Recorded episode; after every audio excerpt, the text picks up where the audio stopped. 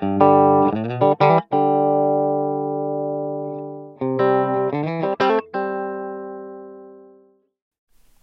selam. Ben Podman.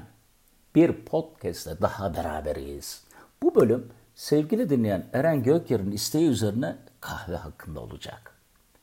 Dedelerin, babaların, ağır abilerin içeceği kahve popüler kültürle birlikte şekil değiştirdi ve neredeyse hayatımızın merkezine oturdu.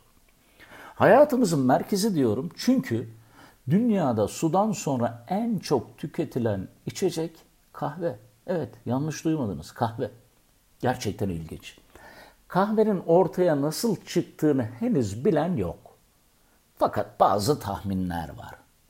Bu tahminler 800'lü yıllarda Etiyopya'da Kaffa bölgesinde ki kahve isminin buradan geldiği düşünülüyor. Etiyopya'da Kaffa bölgesinde Kaldi ya da Halit isminde bir çobanda birleşiyor.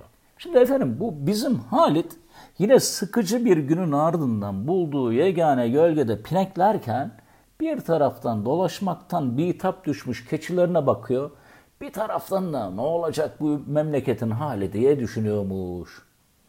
Bir ara uyuşuk uyuşuk dolaşan keçilerin kırmızı kiraz gibi şeyleri yedikten sonra adeta Heidi'nin keçileri gibi oradan oraya zıpladığını görmüş. Var bu işin içinde bir iş demiş.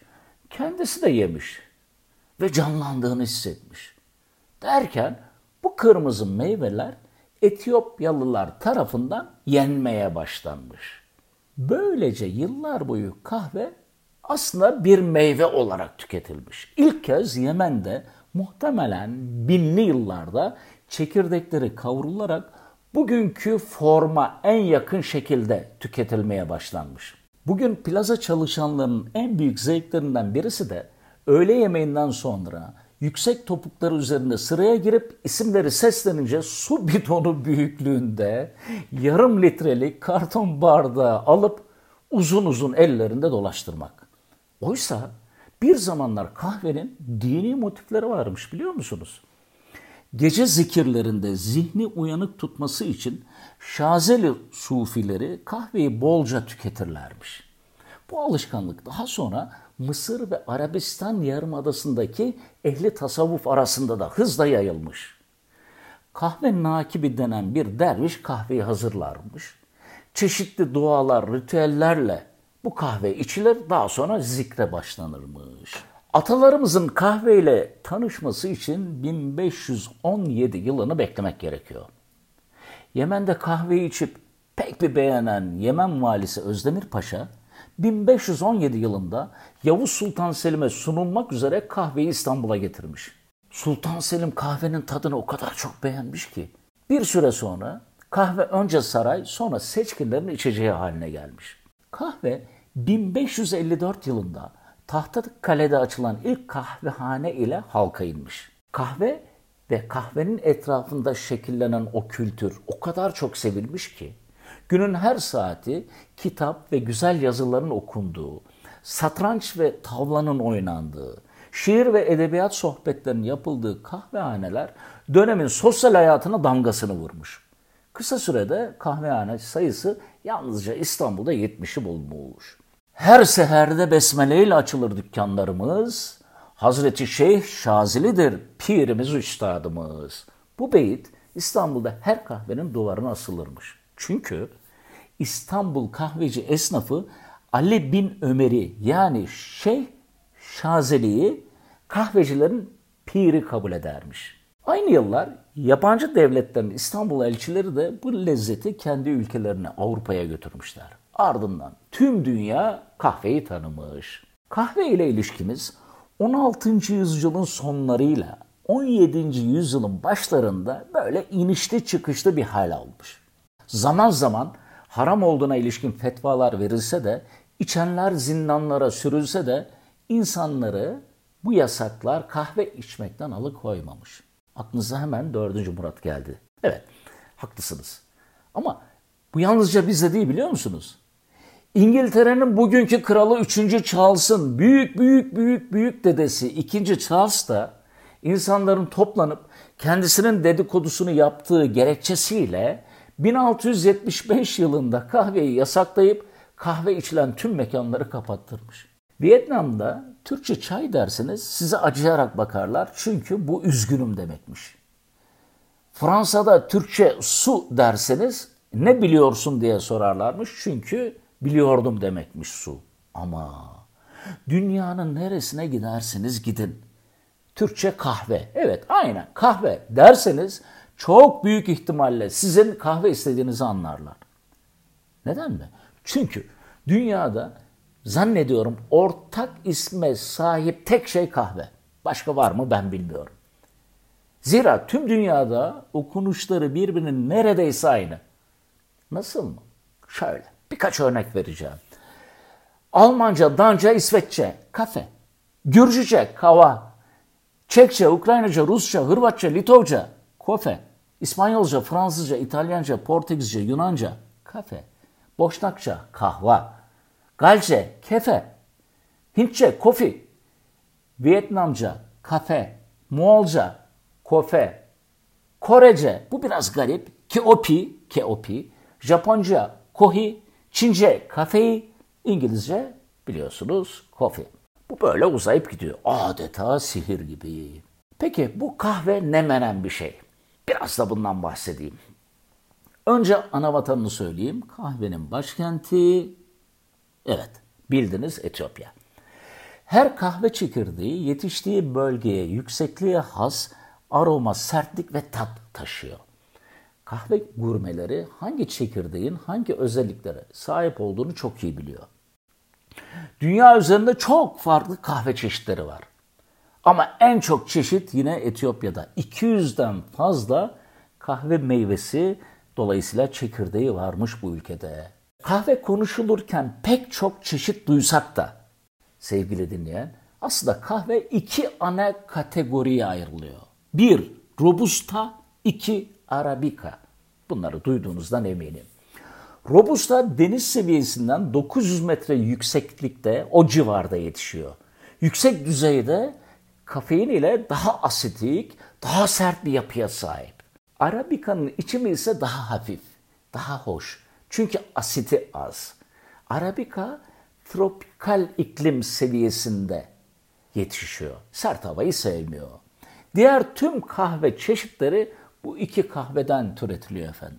İnce öğütmüşseniz, üzerine 90 derecelik suyu 30 saniye boyunca fışkırtmışsanız ne elde ediyorsunuz biliyor musunuz? Espresso. Genelde shot denilen ölçülerle satılıyor. Siz bu espressoya süt ve süt köpüğü ilave ederseniz adı ne oluyor biliyor musunuz? Cappuccino. Evet, cappuccino oluyor. e, cappuccino ismini ise İtalya'daki Capuchin rahiplerinden alıyormuş. İnternette inceledim ben onu. Capuchin rahipleri böyle uzun, koyu kahverengi renkli çuval gibi bir cübbe giyiyorlar. Bellerine de böyle beyaz gibi, krem rengi gibi bir urgan bağlıyorlar kuşak niyetine. Geriden bakınca aynı cappuccino gibi dolaşıyorlar. Siz bu espressoya sütü ve köpüğü daha çok koyarsanız adı latte. Sadece süt köpüğü koyarsanız macchiato. Bir de çikolata koyarsanız moka oluyor. Cappuccino'ya Hindistan cevizi tozu koyarsanız adı marocino oluyor. Kahveyi çok değil de az böyle daha büyük taneli öğütüp üzerine sıcak su ekleyip demlerseniz adı evet bildiniz filtre kahve oluyor. Kahve çekirdeğini çok öğütüp soğuk suyla iyice karıştırıp sürekli karıştırarak kaynatırsanız bu defa ortaya bütün dünyanın bildiği enfes Türk kahvesi çıkıyor.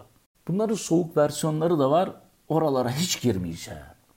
Fakat bir de söylemesem içimde kalır kahvesi var. Söylemeden geçemeyeceğim.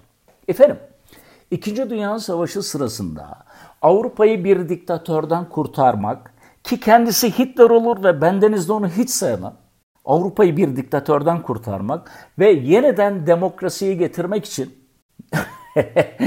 e, sizi de bir gülme aldığından eminim. Amerika ve demokrasiyi getirmek kelimeleri yan yana gelince böyle bir e, ironi oluyor adeta. Her neyse işte bu maksatlarla Amerikan kara, hava ve deniz ordusu Avrupa'ya geliyor. Amerikalılar savaştan arta kalan zamanlarda İtalyan kafelerinde fink atıyor efendim. İtalyan gençleriyle yaptıkları uzun ve derin sohbetleri esnasında espresso içerken çok sert buluyorlar bunu. Hayatta her şeyi sulandıran bu Amerikan milleti kahveyi de sulandırmakta geç kalmıyor. İtalyan baristaların kocaman olmuş gözlerine aldırış etmeden espressolara sıcak su ilave edilmesini istiyorlar. O gün bugündür sulu kahveye americano deniyor. Bunu da söylemiş olayım. Kahve çeşidi tabii ki bu kadarla sınırlı değil. Son olarak sadece bizden örnekler vereceğim. Sadece bizden. Dibek kahvesi, menengiç kahvesi, süvari kahvesi, kum kahvesi, cilveli kahve, yandan çarklı, deve batmaz. Say say bitmez. Burada duruyorum. İşin garibi ne biliyor musunuz? Ben buna çok içerliyorum. Söyleyince eminim siz de böyle içerleyeceksiniz. Avrupa hatta dünya kahveyi bizim sayemizde tanımış. Türk kahvesi gibi eşsiz bir lezzet ve dünya çapında markamız var. Ama işin ticaretini önce İtalyanlar sonra Amerikalılar yapmış. Bu işten o kadar büyük paralar, o kadar büyük e, endüstriler dönüyor ki anlatamam. Yani burada işte bütün girişimcileri karşıma alıp otur sıfır demek geliyor içimden ama böyle bir şey imkan yok tabii. Kafede otururken yan masadan bir höpürdetme sesi duyarsanız hemen celallenmeyin. Uzmanlar bir kahvenin iyi bir tada sahip olup olmadığını anlat, anlamak için höpürdetmek gerektiğini söylüyor. Böylece kahve daha moleküler bir yapıya dönüşüyor. Dilinizin farklı noktalarında farklı notalarla sizi uyarıyor. Ha bu arada bir de kahveye ihanet eden adam var. Onu da söylemeden geçmek istemem. Guatemala'da yaşayan Belçikalı George Washington. Başkan olan değil bu, başka. Bu adam 1906 yılında oturuyor uzun uzun düşünüyor. Ya diyor ulan diyor ne yapsam da kahveye ben ihanet etsem kazık atsam hop aklına instant kahveyi bulmak geliyor. Hani şu suyla karıştırılıp oralet gibi içilen kahve var ya aslında kahveden başka her şeye benziyor. Kahveye bunu yapan adam dünyaya ne yapmaz ya. İyi de hocam kahve neden bu kadar çok seviliyor? Onu da söyleyeyim. Çünkü ha bu arada şimdi söyleyeceklerimin tamamı bilimsel ha atmasyon değil. Tamamı bilimsel. Ama size üniversitenin adı, çalışma grubunun çapı, deneklerin sayısı, ülke gibi detaylara boğmadan hızlıca direkt hap şeklinde sonuçları söyleyeceğim. Düzenli içilen kahve çok sevilir. Çünkü kahvedeki kafein uyarıcıdır. Kahve bizi uykulu hissettiren adenosin isimli kimyasalı bloke eder efendim. Bu sayede daha uyanık hale geliriz. Adenosin reseptörleri bloke edildiğinde vücudumuz bizi mutlu ve uyanık hale getiren iyi hisset kimyasallarını yani glutamat ve dopamin uyarıcılarını Allah ne verdiyse serbest bırakır. Bu yüzden bir fincan kahve bile bizi mutlu eder. Kahvenin kokusu beyindeki stres hormonunu engelliyor. Bak şimdi. Parkinson'a iyi geliyor, Alzheimer'a iyi geliyor. Kahve içtiğinizde düzenli, karaciğeriniz kuzu karaciğeri gibi oluyor. Kalbinize iyi geliyor. Depresyonu hiç içmeyenlere göre yüzde on, intihar teşebbüsünü sıkı durun. Yüzde elli azaltıyor. Allah Allah. Cilt kanserini önlüyor. Şimdi söyleyeceğim sporcular iyi bilir. Spor öncesi içilen kahve atletik performansı arttırıyor. Tip 2 diyabet riskini azaltıyor. Düşünceleri toplamaya yardım ediyor. E bu sayede kahve sizi daha zeki yapıyor. En güzeli de 40 yıl hatırı var ya. Daha ne olsun? Bu yüzden kahve çok seviliyor. E içmeyelim de ne yapalım? Ha ben içmem derseniz kahveyi hiç sevmem derseniz ki bence sevin. Ama içmem derseniz şunları da yapabilirsiniz kahveyle. Mesela yüze peeling, saksı bitkilerine besin, saç bakımı, mutfakta yüzey temizleyicisi, ahşap bakımı. Hop hacı bu ekonomik koşullarda bunu nasıl yapalım? Kahve kaç lira senin haberin var mı? Mı dediniz? Durun ya acele etmeyin. Etiyopya'ya gidin kahve toplayın getirin demedim ben de kahveyi afiyetle içtikten sonra ya da evinizde misafirinize ikram ettikten sonra kalan telveyle yapacaksınız bunları. Kahve ile ilgili birkaç ilginç bilgi daha var. Dünyanın en pahalı kahvesi hangisi biliyor musunuz? Black Ivory denen bir kahve. Kilosu 1100 dolar efendim. 1100 dolar. Amerikan doları. Tayland'da acıkan filler ne görürse saldırıyorlarmış. E kolay mı? Fil gibi aç hayvan yani. Çevrede eğer taze kahve meyvesi varsa sormayın keyfine. Fil afiyetle karnını bunlarla doyuruyor. Sonra gölgede ense yaparken midesindeki çekirdekler mide asitinden etkilenmeye başlıyor. Bu çekirdekler 15 ila 70 saat içinde sindirilirken midedeki diğer maddelerle aromaları zenginleşiyor. Sonra malum en yakın tuvalet. Taylandlı ucuz işçiler de dışkıların içinden bu kahveleri toplayıp öğütüyor. Size afiyet olsun efendim ama ben marketteki ucuz kahveleri tercih edeceğim. Bunu içemem. Fakat aklıma gelen soru şu. Bu film, affedersiniz, şeyi içindeki kahvenin toplanıp içilebileceğini, hatta hatta bununla yetinmeyip kilosunu 1100 Amerikan dolarına zenginlere fatura edilebileceğini kim düşündü acaba? Cümle girişimci adaylarını şöyle önüme diz çöktürüp rahleyi tedrisattan geçirmek istiyorum ama mümkün değil. Eski Arap kültüründe kocanın evine az kahve getirmesi boşanma sebebiymiş. Kahveye süt ekleyerek içen ilk kişi 1600'lü yıllarda Fransız bir doktormuş. Küçüklüğümün böyle burnuma tatlı tatlı gelen kokusudur ya. Sütlü kahve. hani çay bardağında içilir ya. Altında da böyle melaminden bir çay bardağı tabağı olur. Babaanne kahvesi deniyor bu arada buna. Kahveye krema eklediğinizde kahve %20 daha uzun süre sıcak kalıyormuş ki bu enteresan bir bilgi. İnsan kahveye niye krema ekler onu anlamış değilim yani. Garip bir bilgi daha. Şu kahve nelere kadir? Sıkı durun. Web kameraları kahve sayesinde keşfedilmiş biliyor musunuz? Web kamerası ya. Bilgisayardaki kameranız. Kahve olmasaydı biz kamerayı ancak TRT arı stüdyolarında görebilecektik. Cambridge Üniversitesi'ndeki bilim insanları çalışmalarının ortasında ara verip kahve almaya gittiklerinde karafın boş olmasından çok rahatsız olmuşlar. Ya kardeşim ya işi gücü bıraktık geldik karafı kim boşalttı? Hop Hüseyin abi doldur bunu. Böyle düşünürken ya arkadaş 1991 yılına gelmişiz. Orta çağ mı yaşıyoruz? Neler yapabiliriz derken Sivri'nin birinin aklına karafın tam karşısına bir kamera yerleştirip bunu bilgisayarlara vermek gelmiş. Dolayısıyla bilim insanları canları kahve istediği zaman kamera görüntüsüne bakıyor. Karafta kahve varsa yerinden kalkıp kahve almaya gidiyorlarmış. Bu fikir daha sonra bilgisayarların onboard kamerasına dönüşmüş. Vay be. Dünyanın en büyük kahve zincirlerinden bir tanesi olan Starbucks'ın adının Moby Dick kitabından geldiğini biliyor musunuz? Starbucks'ın ortakları oturmuş ya bu dükkana ne isim versek ki diye düşünürken Moby Dick romanında Kaptan Ahab'ın balina avına çıktığı geminin adının harika bir fikir olduğunu düşünmüşler. Okunuşu Picot, Picot sanıyorum. Fakat daha sonra bu isim pek ticari gelmemiş onlara. Daha sonra geminin yani Picot'un aklı selim ikinci kaptanı olan Starbuck'ta karar vermişler.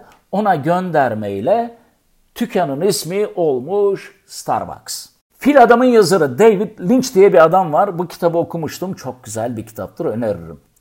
En kötü kahve bile kahvesiz kalmaktan iyi diyor. Bak şu işe. Ben de katılıyorum ya.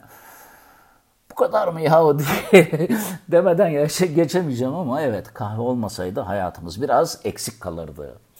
80 ila 100 kupa arasında kahve içmek ölümcül sonuçlara yol açabiliyormuş.